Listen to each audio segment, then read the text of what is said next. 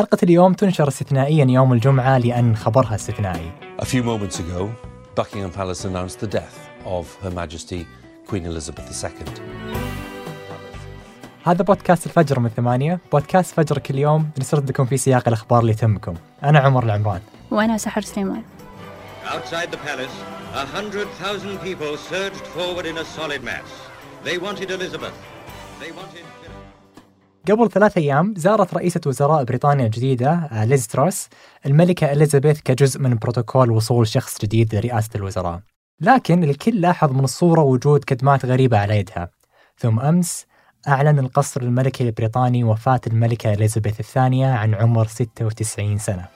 I declare before you all that my whole life, whether it be long or short, shall be devoted to your service إليزابيث من الشخصيات المثيرة اللي تشغل بال ناس كثير. آه، فخلينا نعرف عنها أكثر. آه، هي صارت ملكة سنة 1952 يعني قبل 70 سنة من الحين. آه، وهالشيء صار بعد ما مات أبوها الملك جورج السادس ووقتها كان عمرها 25 سنة بس. وبريطانيا وقتها كانت توها طالعة من الحرب العالمية الثانية اللي إليزابيث شاركت فيها كسائقة في وحدة مساعدة الجيش. وخلنا ناخذ عنها معلومات ظريفة وغريبة هنا. إليزابيث تملك كل الحيتان والدلافين في مياه بريطانيا وبعد هي الشخص الوحيد في بريطانيا اللي مسموح له يسوق بدون رخصة قيادة وأيضا ما عندها جواز سفر. وبعد بموتها نكون فقدنا آخر مسؤول حكومي شهد الحرب العالمية الثانية. عجيب. فترة حكمها طويلة لدرجة أنها ثاني أطول ملك في التاريخ كله وما في أعلى منها إلا لوي الرابع عشر ملك فرنسا وأب أقل من سنتين حتى. وعشان نتصور طول هالفترة آه إليزابيث عاصرت كملكة كل ملوك السعودية من الملك عبد العزيز إلى الملك سلمان. بس وش الأحداث اللي عاصرتها؟ يعني في أحداث مرة كثير صدق مرت عليها لما أتكلم أنها جت في الخمسينات وإلى الحين. فمثلا نتكلم عن حرب فيتنام اغتيال كينيدي الصعود للقمر حرب أفغانستان آه غزو الكويت انهيار جدار برلين أحداث سبتمبر وغزو العراق وحتى كورونا وحرب أوكرانيا. بس خلني قبلها أعطيك معلومات شوي عن عائلة الملكة إليزابيث. يلا آه، هات. آه، فهي إليزابيث وبقية العائلة البريطانية الحاكمة الحالية عموما ينتمون العائلة اسمهم عائلة الويندسر الحاكمة وهالعائلة بدأت تحكم من 1901 يعني من 121 سنة تقريبا لما أسسها جورج الخامس. لكنها تنتمي لسلالة أعرق وأقدم اللي هي سلالة ويتن اللي بدأت تحكم من حول ألف سنة. فخلينا نشوف شلون صارت إليزابيث ملكة. خلينا نتكلم عن نظام الوراثة. الوراثة بذا العائلة عمودية يعني الملك يورث الحكم لأكبر أبنائه وبأولوية للذكور. فيعني إذا ما كان عنده أبناء ذكور تصير أكبر بناته ملكة. وترى من فترة في 2013 آه، وقفوا ذا النظام وخلاص صار يعني ما في فرق بين الذكور والإناث. وحتى قبل ما يغيرون ذا النظام إليزابيث الثانية ما هي أول ملكة أنثى وعشان كذا اسمها الثانية لأن كان في ملكة قبل 400 سنة اسمها إليزابيث الأولى. وغير هالملكتين في أربع ملكات غيرهم يعني منهم مثلا الملكة فيكتوريا المشهورة. مم. المهم خلينا نرجع لأبوها اللي ورثت الملك عنه واللي ما كان المفروض يصير ملك أصلا. آه خليني أقول لك قصته يعني بعد ما مات جد إليزابيث جورج الخامس مؤسس حكم العائلة اللي تونا تكلمنا عنها آه صار ولده الكبير إدوارد الثامن ملك أو إدوارد كان يحب أمريكية اسمها والت سيمسون وكان يبي يتزوجها. لكن زواج ملك من غير بريطانية مرفوض قطعا في تقاليد الأسرة. فعشان يتزوجها اضطر إنه يتنازل عن العرش بعد أقل من سنة لأبو إليزابيث اللي هو جورج السادس. وبالتالي انتقل خط الوراثه لأبناء جورج وقدرت إليزابيث تصير ملكة. طيب هل فعلا هي تحكم ولا؟ هو هذا هو السؤال. يعني كثير من الناس يتوقعون إنها ملكة كمنصب تشريفي بس وإن الحكم الفعلي يكون من الحكومة والنواب اللي ينتخبهم الشعب. آه بس خلني أقول لك كم معلومه عن كيف تشتغل بريطانيا. خلينا نفهم يعني بالضبط وش دورها. بريطانيا تعتبر ملكية دستورية والشيء ذا معناه أن سلطات الملك فيها مقيدة بالدستور. آه، فاللي يصير بالضبط أنه الشعب ينتخب نواب مجلس العموم ثم بعدين يختار الحزب اللي عنده أكثر المقاعد رئيس الوزراء. مم. لكن رئيس الوزراء هذا وبقية وزرائه ما يكونون الحكومة إلا بموافقة الملك. والملك أو الملكة هنا بسياقنا تقدر تحل الحكومة ومجلس النواب وكل قرارات البرلمان لازم الملكة توافق عليها عشان تصير نافذة.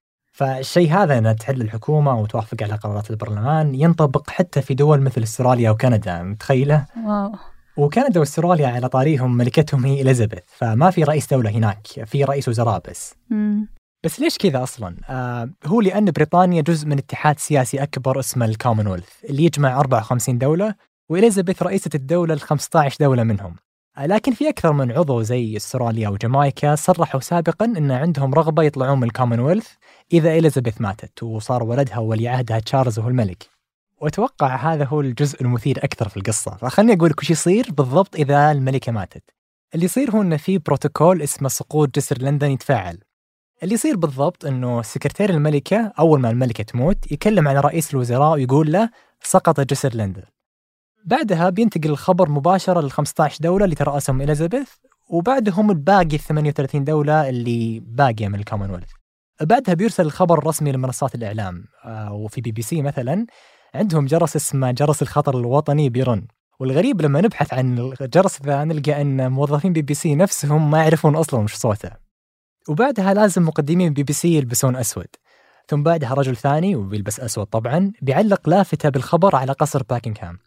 وبعدها بتتنكس الأعلام وتقرع الاجراس لكن وهنا الشيء الغريب شوي إنه ولي العهد في هالحالة تشارلز ما راح يصير ملك إلا من بكرة الساعة 11 الظهر.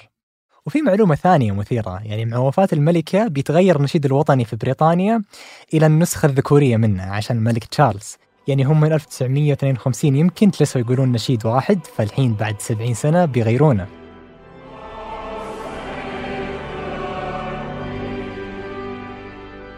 وعلى سيرة تشارلز خلنا نتكلم عنه شوي. الحين عمره 73 سنة وهو قبل كان زوج ديانا. وتزوج كاميليا بعد وفاة ديانا في حادث السيارة اللي صار في باريس واللي دارت حول ضجة ما انتهت. وهو خريج جامعة كامبريدج وتخصصه بكالوريوس في الفنون. وتشارلز مفتون بالعرب وثقافتهم وله تصاريح كثيرة حول حب العرب. وحتى له صورة وهو شارك بالعرضة النجدية.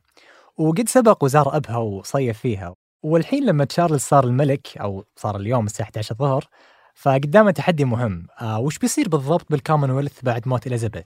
وكيف بيتعامل مع الدول اللي تكلمنا عنها اللي صرحوا عن رغباتهم بالخروج إذا ماتت إليزابيث؟ قبل ننهي الحلقة نترككم مع توصيات نهاية الأسبوع. مسلسل The Crown يحكي سيرة الملكة إليزابيث الثانية من إنتاج نتفليكس عن سنة زواجها وحتى دخول ديانا للأسرة الملكية. التوصية الثانية هي الفيلم The King's Speech الفيلم عن والد الملكة إليزابيث الثانية جورج السادس. فاز بأربع جوائز أوسكار وكان عن قصته مع التأتأة وإلقاء الخطابات وعلاجه عن طبيب بأساليب غير تقليدية. وبعيدا عن الملكة راح تعرض الحلقة الثالثة من مسلسل The Rings of Power. المسلسل حقق 25 مليون مشاهدة وهي الأعلى في تاريخ البث الرقمي في الحلقتين السابقة. بس التقييمات السلبية عليه كانت كثيرة جدا لدرجة أن أمازون اضطرت إلى تطبيق خاصية تأخير عرض التقييمات على المسلسل لمدة ثلاثة أيام.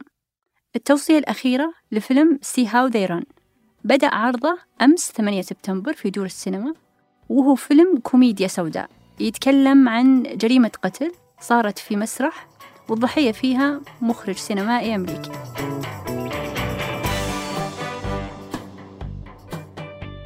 أنتج هذه الحلقة أنا عمر العمران وساعد في إنتاجها نايف العصيمي وسفر عياد وإيمان أسعد. وقدمتها أنا عمر. وأنا سحر سليمان. وحررها محمود أبو ندى. نشوفكم فجر الأحد.